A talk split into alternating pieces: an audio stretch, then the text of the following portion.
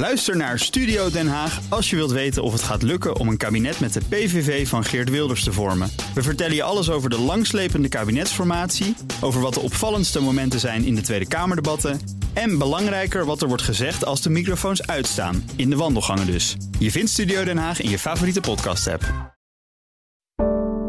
Een goedemorgen van het FD. Ik ben Paulien Swuster en het is dinsdag 24 januari.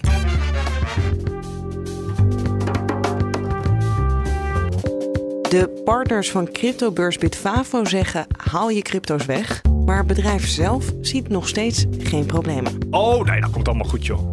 Dat komt allemaal goed. Na magere jaren gaan de Nederlandse pensioenen eindelijk omhoog. Er was ook wel een roep vanuit gepensioneerden van... hé, hey, we hebben zo lang stilgestaan. Mag er deze keer alsjeblieft een beetje bij? Of een beetje heel veel zelfs. En fietsenfabrikant Van Moof kampt met grote verliezen. Je kan in de cijfers gewoon zien dat de kostprijs van hun omzet hoger is dan hun omzet. Met andere woorden, per verkochte fiets legt Van Moof daar geld op toe. Dit is de dagkoers van het FD. De val van de cryptobedrijven gaat door. Vorige week vroeg het Amerikaanse Genesis uitstel van betaling aan. En van die broker kreeg onze grootste cryptobeurs, Bitfavo, nog 280 miljoen euro aan klantengeld. Partners van Bitfavo keren inmiddels de beurs de rug toe. Waarom, dat hoor je zo van onderzoeksjournalist Sonny Motke. Maar eerst vertelt hij meer over die partners. Partijen die podcasts maken, eh, partijen die eigen beleggerssites hebben, eh, bedrijven die beleggingsdiensten leveren. Eh, er zitten ook robotbeleggerdiensten bij, studentenbeleggingsverenigingen. Je kunt het zo gek niet bedenken. Alles wat te maken heeft met beleggen en een beetje crypto. Om, ja, het is ook een reclamezuil. En door die reclame te koppelen aan een link waarmee je dan weer bij Betfavo komt om een account te openen, kun je ook uh, proberen eventueel samen inkomsten te delen. Mensen worden via mij klant, dan krijg ik een deel van die inkomsten. Als je dat contractueel hebt afgesproken. In, in de voorwaarden die uh, op de site van Bitfavo staan, staat een soort standaard contractje van, nou ja, als er een klant, een nieuwe klant van Bitfavo via, laten we zeggen, jouw site bij ons terechtkomt, dan kan jij uh, doorlopend 15% van de transactiekosten per transactie krijgen van die nieuwe klant. En waarom zeggen deze partners, want die hebben er toch belang bij eigenlijk dat er transacties zijn op dat platform, waarom zeggen ze dan ga weg? Dat is het meest interessante. We spraken bijvoorbeeld iemand in België die dat in een mail aan zijn eigen community had uh, rondverspreid. Uh, die zegt dan ja, maar ik wil ook geen blamage lopen richting mijn eigen achterban. Van dat ik ze niet voorlicht van de mogelijkheden die er zijn om jezelf te beschermen tegen potentieel echt groot onheil.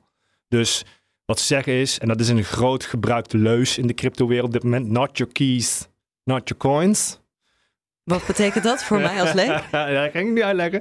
Dat betekent, als het jouw bezit is, zijn jouw crypto, eh, geef ze niet in beheer aan iemand anders, maar pak ze in je eigen kluis waar je zelf de sleutel van hebt. Dus haal die crypto's die op het platform van bijvoorbeeld Bitfavo in dit geval staan, naar je eigen aparte ledger heet dat dan, ik noem het maar even een kluis, zodat, stel dat Bitfavo straks er gebeurt iets heel ernstigs, er kan niet gehandeld worden, daar kun je niet bij, het valt om, eh, apocalyps, dat jouw crypto's niet in het vage vuur verdwijnen. Maar blijft er ondertussen wel ook handelen, want dan krijgen wij geld. Ja, dat, is, dat, dat vond ik het een beetje raar aan het verhaal. Zeker van die partner in België. Want die mail is verstuurd. Daar konden ze niet onderuit. En tegelijkertijd, ja, we blijven wel partner. Want zo slecht kan het bedrijf toch ook weer niet zijn. Maar ja, daar zit dus achter dat je daar best wel lucratieve afspraken mee kunt maken. Maakt Bitfavo zich dan zorgen hierover dat die partners dat oproepen? Of het faillissement van uh, Genesis? Laat vooropstellen dat wij Bitfavo de hele tijd, nu al weken, uh, proberen te verleiden tot in ieder geval een gesprek. Het zou fijn zijn om ze uh, zo mondeling te spreken of telefonisch met die mensen. Het gaat allemaal per mail. Wij hebben reekse vragen gesteld, ook hierover. En ja, dat zijn vaak beknopte antwoorden. En wat eruit afkomt over die partners, de, nadruk is... Nee joh, dat is allemaal niet zo niet zo heel belangrijk. Uh, iedereen mag zeggen wat hij wil, sowieso. En, en de boodschap van ja, beheer ze in eigen beheer, ja, dat is ook niet raar. Dan zegt Bitfavo van ja, onze custody is niet ons belangrijkste uh, punt, want wij zijn een beurs. Dat klopt, maar als iemand in theorie al zijn crypto bij jou weghaalt, dan wordt er ook minder gehandeld op jouw beurs. In theorie. En dan heb je weer minder inkomsten. Dus het heeft indirect wel weer gevolg. Maar ja, daar wordt niet echt op ingegaan in die beknopte schriftelijke antwoorden. En die 280 miljoen euro aan klantgeld, wat zeggen ze daarover? Nee, dat komt allemaal goed, joh. Dat komt allemaal goed. Nee, er, is wordt, flink over onderhandeld. Het duurt allemaal wel wat langer dan eh, verwacht, lijkt het. Want het, het is iedere keer ja, toch weer wat langer. We zijn nog steeds aan het onderhandelen. Maar uiteindelijk komt het goed. Want hey, stel het echt misgaat, dan hebben we die, eh, die oprichters, aandeelhouders. Die hebben een commitment gemaakt om eh, heel veel geld terug te storten. Waarvan het leeuwendeel al is teruggebracht in het bedrijf. Wij vragen dan, zitten daar voorwaarden aan vast? Is dat een schenking of is dat dan toch een, een lening aan het bedrijf? Zou ook nog kunnen. Daar wordt dan weer geen antwoord op gegeven. Weten we ook wel iets over of die oproep van die partners ook gehoor krijgt, of er echt klanten weglopen? Ja, Bitfavo ontkent niet dat er een beperkte toename is in hun woorden van het aantal klanten die hun crypto eraf haalt. Tegelijkertijd zeggen ze dat per saldo het aantal klanten toch gestegen is, maar dat wil niet zeggen, een klant kan ook gewoon opening van een account zijn. Hoeft niet per er meer gehandeld wordt. En dat soort vaagtekens mist blijft rond Bitfavo hangen. En ja, het zou de CEO en de aandeelhouder sieren om eens een keer een interview te geven en toch meer duidelijkheid hierover te verschaffen.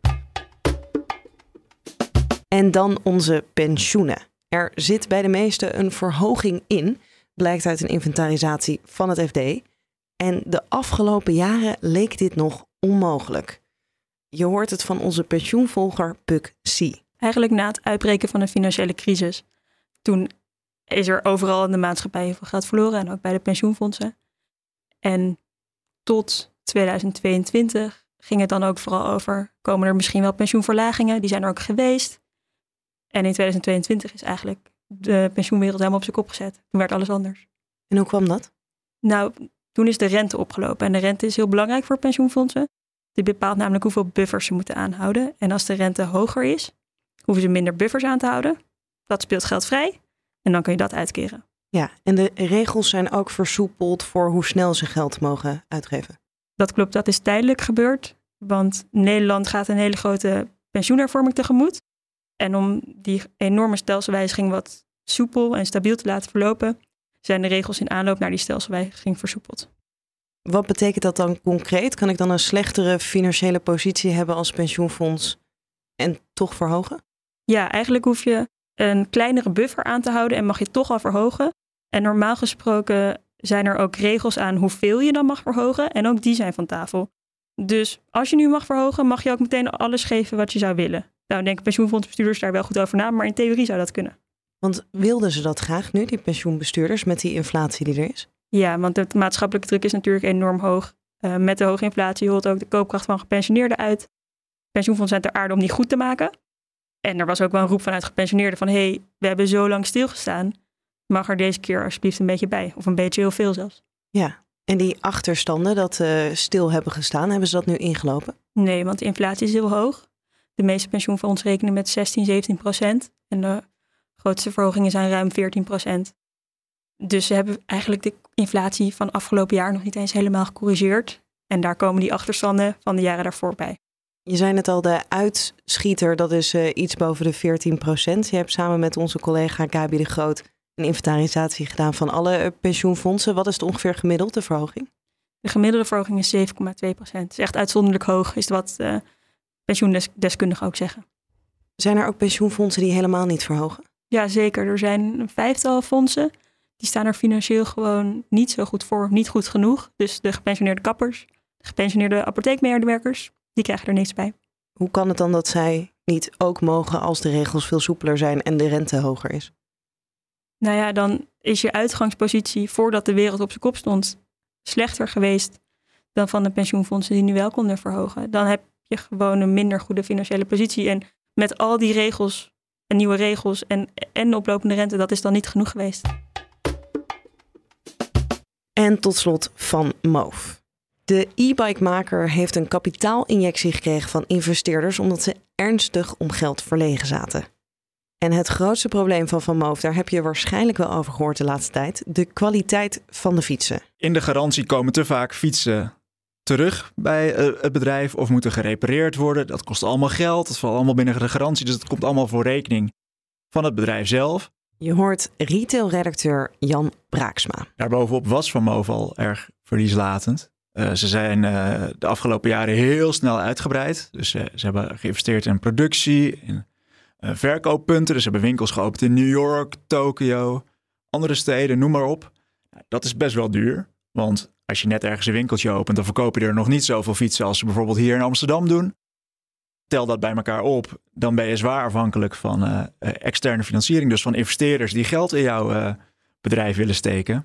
En dat was afgelopen jaar geen pretje voor dit soort zwaar verlieslatende bedrijven, want de rente is erg gestegen. Daarom zijn investeerders op zoek naar toch wat veiliger bedrijven om hun geld in te steken. En niet van die heel snel groeiende, maar zwaar verlieslatende bedrijven zoals Van Moof. Die waren even uit de gratie. Ja, en dan begint het een beetje te knellen en uh, moesten ze uh, heel snel uh, geld ophalen bij hun bestaande investeerders. Is een Van Moof dan eigenlijk te goedkoop? Ja, het zijn best dure fietsen natuurlijk, maar als je te weinig geld binnenkrijgt? Ja, dat, dat zou je kunnen zeggen. Ja, een vermo de goedkoopste Van Moof kost 2500 euro. Je kan in de cijfers gewoon zien dat de kostprijs van hun omzet hoger is dan hun omzet. Met andere woorden, per verkochte fiets legt Van Moof daar geld op toe. Hoe groter je wordt, hoe meer geld je daarop toelegt. Dat is geen goed businessmodel. Dat, dat kunnen wij elkaar hier gemakkelijk uitleggen. En ik denk dat we het bij Van Moof ook wel weten, want een belangrijke component daarvoor zijn die reparaties. Daar schrijven ze in een jaarverslag ook over dat uh, ze erg bezig zijn met de kwaliteit van die fietsen om die omhoog te brengen. Dus ja, ze moeten betere fietsen maken en ze moeten duurdere fietsen maken. Nu is het nieuwe model waar ze, dat ze nu gaan produceren en wat ze de komende maanden waarschijnlijk voor het eerst aan hun klanten gaan leveren, kost 500 euro meer. Als je dat even op de achterkant van een bierviltje uitrekent, daarmee kom je al een stuk meer in de buurt van een beter businessmodel. Ze hebben nu dus een kapitaalinjectie gekregen van de investeerders. Wat weten we daar meer van? Weten we hoeveel geld het is? Wat voor soort geld? Nee, nee dat is, uh, dat is uh, het jammer. Daar hebben wij hard over uh, gespeurd, mijn collega Gijs de Brinker en ik afgelopen weekend. Maar nee, het is, het is, we weten dat het bestaande investeerders zijn. Dus de, ze hebben geen nieuwe investeerders kunnen overtuigen om geld in het bedrijf te steken. Daar waren ze wel mee bezig. In dat jaarverslag wat we hebben gevonden lees, lees je dat ze ook bijvoorbeeld met leveranciers aan het spreken waren. Over kapitaalinjecties van 10 tot 40 miljoen. Nou, die leveranciers hebben ze blijkbaar niet kunnen overtuigen, maar hun zittende investeerders wel. Hoeveel tijd Van Moof daarmee heeft, weten we niet. Maar uh, ze schrijven zelf, we kunnen dit jaar, we, kunnen, hè, we zijn goed gefinancierd om een solide jaar te kunnen draaien gaat, ja, het loopt al snel in de miljoenen bij dat bedrijf. Maar goed, er ging vorig jaar ook ongeveer 78 miljoen uh, verloren. Dus het gaat om flinke bedragen, dat is wel duidelijk. Maar of dat in eigen vermogen is of schuld en welke vorm, dat hebben we niet boven tafel weten te krijgen. Nee. En ze zeiden van tevoren, als we dit geld niet krijgen, dan komen we binnen twee maanden in de problemen. Maar we kunnen dus ook niks zeggen over hoe lang ze dat voor zich uit hebben geschoven. Nee, klopt. Het, in het jaarverslag staat dan een passage over waarin het bedrijf vooruit moet kijken op de toekomst. En normaal gesproken, als je winstgevend bedrijf bent, is dat een formaliteit. In het geval van Van Moof schrijven zij: we zijn uh, verlieslatend, we zijn afhankelijk van extern kapitaal. Of al onze verwachtingen uitkomen, hè, of we genoeg fietsen weten te verkopen, dat is allemaal onzeker. Dus zonder extern kapitaal is ons voortbestaan aan het einde van het, uh, eerste kwartaal, hè, dus dat is nog twee maanden, ja, is, is onzeker, geworden. Ja, en, en hoe ver dat vooruit is geschoven, ja, dat weet je alleen als je weet hoeveel geld erin is gestoken. En we weten dat ze erg bezig zijn met het winstgevender worden. Dus ze hebben die duurdere fietsen gemaakt. Ze werken eraan om, dat, om die betrouwbaarder te krijgen. Ze zeggen zelf ook, we gaan schaalvoordelen halen doordat we meer fietsen verkopen. Of dat daadwerkelijk zo uitkomt zoals ze zeggen en zoals ze hopen dat, daarvoor moeten we denk ik toch weer op het volgende jaarverslag van ze wachten.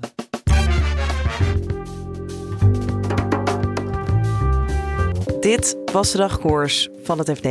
Morgenochtend zijn we er weer met een nieuwe aflevering. En wil je die nou automatisch binnenkrijgen? Abonneer je dan even in je podcastplayer op Dagkoers. En wil je het laatste financieel-economisch nieuws volgen? Dan ga je natuurlijk naar fd.nl. Voor nu een hele fijne dag en graag tot morgen. Ook Diana Matroos vind je in de BNR-app. Ja, inderdaad. Je kunt live naar mij luisteren tijdens de Big Five. Ook handig in de BNR-app. Breaking nieuwsmeldingen, maar ook het allerlaatste zakelijke nieuws. En je vindt in de app alle BNR-podcasts, waaronder Wetenschap Vandaag. Download nu de gratis BNR-app en blijf scherp.